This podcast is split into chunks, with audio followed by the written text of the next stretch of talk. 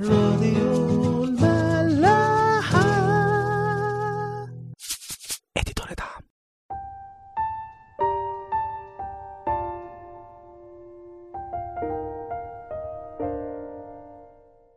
أهلا بيكم في حلقة جديدة من عيش وملح. كنا وصلنا آخر مرة لما شاول ابتدى يحرض عبيده ويوناثان ابنه عشان يقتلوا داود بس يوناثان بيروح يحذر صاحبه داود وبيقول له يستخبى لتاني يوم لحد ما يكون اتكلم مع شاول أبوه تاني ويحاول يظبط الدنيا ما بينهم. وفعلا ده اللي بيحصل وشاول بيسمع ليوناثان لدرجة إنه بيقول له حي هو الرب لا يقتل. وبيرجع داود تاني للقصر وكل حاجة بترجع زي الأول. بس هل هيكمل الموضوع ده كده؟ خلونا نشوف. إصحاح 19 من صمويل أول أعداد 8 ل 10 بيقولوا عادة الحرب تحدث. فخرج داود وحارب الفلسطينيين وضربهم ضربة عظيمة فهربوا من أمامه. وكان الروح الرديء من قبل الرب على شاول وهو جالس في بيته ورمحه بيده. ورمحه بيده. وكان داود يضرب باليد. فالتمس شاول أن يطعن داود بالرمح حتى إلى الحائط. ففر من أمام شاول فضرب الرمح إلى الحائط فهرب داود ونجا تلك الليلة. رجعت الحرب تاني مع الفلسطينيين وبالتالي خرج داود يحارب وطبعا ضربهم ضربة عظيمة وهربوا من قدامه. ومع أول تجربة حقد تانية لشاول بيبان اللي جواه فعلا. والروح الرديء بيجي على شاول من تاني. فداود رغم كل اللي وصل له ده واللي شاول عمله معاه برضه بيفضل يلعب بالعود بتاعه عشان الروح الرديء ده يسيب شاول. بس الحقد بيملى قلب شاول من تاني فبيحاول يقتل داود تاني وبيرميه بالرمح بس داود بيهرب منه والرمح بيجي في الحيطة. الحتة دي في قصة داود وشاول مهمة جدا لحياتنا خصوصا إنها ممكن تكون بتهدم مبادئ كتير قوي بيقولها لنا العالم وبيقول لنا ربنا عكسها. فكرة محبة العدو للآخر. والثقة في ربنا بشكل ملوش حدود. يعني أي حد طبيعي لو كان يعرف داود في الوقت ده كان هيقول له بص داود أنت عداك العيب وعملت مع شاول كل خير بس خلاص أنت كده بتنتحر. ومش كل مرة تسلم الجرة وممكن كمان تلاقي الناس بتستعمل آيات عشان تقنعك وتقولك لا تجرب الرب إلهك وما ترميش نفسك تحت القطر وتقول ربنا هينقذني. داود ما كانش عنده الكلام ده.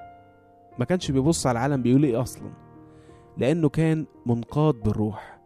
فبالتالي واثق مليون في المية إن مفيش حاجة هيعملها بالروح وربنا ممكن يسيبه ويتأذي. إزاي يعني ربنا يقول لي حاجة أعملها أو حتة أروحها وبعدين يسيبني أتأذي أو منجحش أو كمان ما يتمجدش معايا؟ إزاي بنعتبر إن ساتر ربنا ده حاجة بالحظ كده أو حمايته لينا ممكن تحصل مرة وعشرة لأ. لازم تاخد بالك قوي من الموضوع ده. بينك وبين نفسك ومع ربنا لازم تقوي إيمانك قوي في الحتة دي. ولما تحس في مرة إن ربنا سابك لازم تطلبه وتسأله. دي وعود هو قايلها لنا. لازم نتمسك بيها ونطالبه بيها. يا رب أنت قلت كذا. فين الكلام ده؟ وداود نفسه حتى عشان عاش الموضوع ده هنلاقي مزامير كتير قوي بيتكلم فيها بالشكل ده. مزمور 13 يقول لنا إلى متى يا رب تنساني كل النسيان؟ إلى متى تحجب وجهك عني؟ إلى متى أجعل هموما في نفسي وحزنا في قلبي كل يوم؟ إلى متى يرتفع عدوي علي؟ انظر واستجب لي يا رب إلهي. أنر عيني لئلا أنام نوم الموت. لئلا يقول عدوي قد قويت عليه. لئلا يهتف مضايقي بإني تزعزعت. أما أنا فعلى رحمتك توكلت يبتهج قلبي بخلاصك أغني للرب لأنه أحسن إلي. شوفوا كل المشاعر اللي بيعدي بيها داود من أول مزمور لآخره. في الأول بيحس نفس المشاعر اللي بيحسها أي واحد فينا. يا رب أنت نسيتني يا رب أنت مش شايفني إيه، لحد إمتى هتسيبني بالشكل ده؟ بس عشان بيقعد مع ربنا ربنا حتى من غير ما يكلمه بيحول الحزن أو الخوف اللي في قلبه لإيمان من تاني. لدرجة إن هو في آخر المزمور نلاقيه مش بس هدي لأ ده كمان بيغني لربنا لأنه خلاص اعتبر إن هو مشكلته اتحلت خلاص وأكيد ربنا هيحسن إليه. يعني بيقول في الآخر أغني للرب لأنه أحسن إلي مع إن هو لسه ما عملش حاجة. بس هو خلاص هو هو عارف يعني موضوع محتوم ومحسوم ما عندوش شك فيه ابدا. فنلاقي هنا إن داود كان بيحل مشاكله بينه وبين ربنا وده اللي لازم نعمله. عشان كتير قوي مننا ممكن يحصل له موقف في حياته ويزعل من ربنا ويمكن حتى ينسى الموقف ده بس من جواه يبتدي يطلع بمبادئ ومفاهيم غلط ومش بس يعيش عليها لا كمان يقنع الناس التانية بيها ويمكن من غير ما يحس يكون سبب لعثرة حد أو إنه يضعف إيمان حد يكون إيمانه بسيط وواثق قوي زي بتاع داود كده. في أشعية واحد عدد 18 ربنا يقول لنا كلمة غريبة قوي يقول هلما نتحاجج يعني نتناقش. يقول الرب إن كانت خطاياكم كالقرمز تبيض كالثلج إن كانت حمراء كالدودي تصير كالصوف. هلما نتحاجج دي حتى بالإنجليش تبان أكتر يقول لك come now let us reason together. وفي ترجمات تانية let us settle this matter. شوفوا ربنا إزاي عايزنا نتكلم معاه ونحل مشاكلنا معاه. تعالى اتكلم ونتناقش ونوصل لحل. ولما نتكلم ونطلع كل اللي جوانا أي خطايا عندنا أو حتى أفكار وحشة عن ربنا هتروح تماما. حل مشاكلك مع ربنا مهما كانت صغيرة قوي أو كبيرة قوي اقعد معاه واتكلم فيها كلها. وهو أكيد هيريحك وهيقوي إيمانك ويخليه أحسن من الأول. يحكي لنا بعد كده إنه شاول بعت ناس لبيت داود عشان يراقبوه ويقتلوه تاني يوم الصبح. فميكال مرات داود اللي هي بنت شاول بتاخد بالها وبتحذر داود وبتهربه من شباك البيت وفعلا بيقدر داود إنه يهرب من غير ما حد ياخد باله. ميكال بقى بتعمل حسابها وبتحط في سرير داود الطرافيم وإحنا كنا قلنا عليه قبل كده إنه الطرافيم ده من الحاجات اللي اتأثر بيها شعب إسرائيل من الشعوب اللي حواليهم وكانوا بيؤمنوا إنها زي بتجيب لهم الحظ.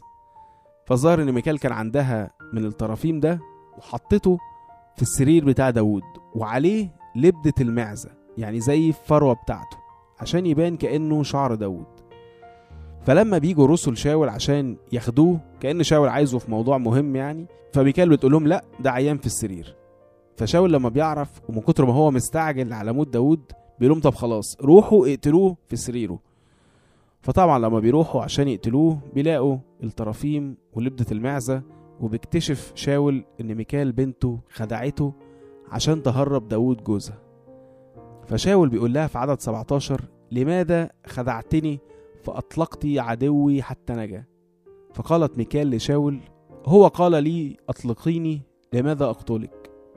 يعني زي بتقول له إنها مش هي اللي هربته لأ ده هو اللي هددها فاضطرت تعمل كده. طيب إيه اللي خلى ميكال تقول كده؟ يمكن بسبب خوفها من شاول أبوها إنه يمكن يأذيها مثلا أو إنها كانت خايفة على مشاعره برضه فقالت تقول كده عشان على الأقل ما يحسش إن كل الناس ضده حتى أولاده. ايا كان السبب اللي ميكال قالت كده عشانه بس إحنا عارفين ان ربنا عايزنا دايما نقول الحق ويكون كلامنا كله صدق. المسيح في يوحنا 8 44 بيكلم الفريسيين ويقول لهم أنتم من أب هو إبليس وشهوات أبيكم تريدون أن تعملوا. ذاك كان قتالا للناس من البدء ولم يثبت في الحق لأنه ليس فيه حق.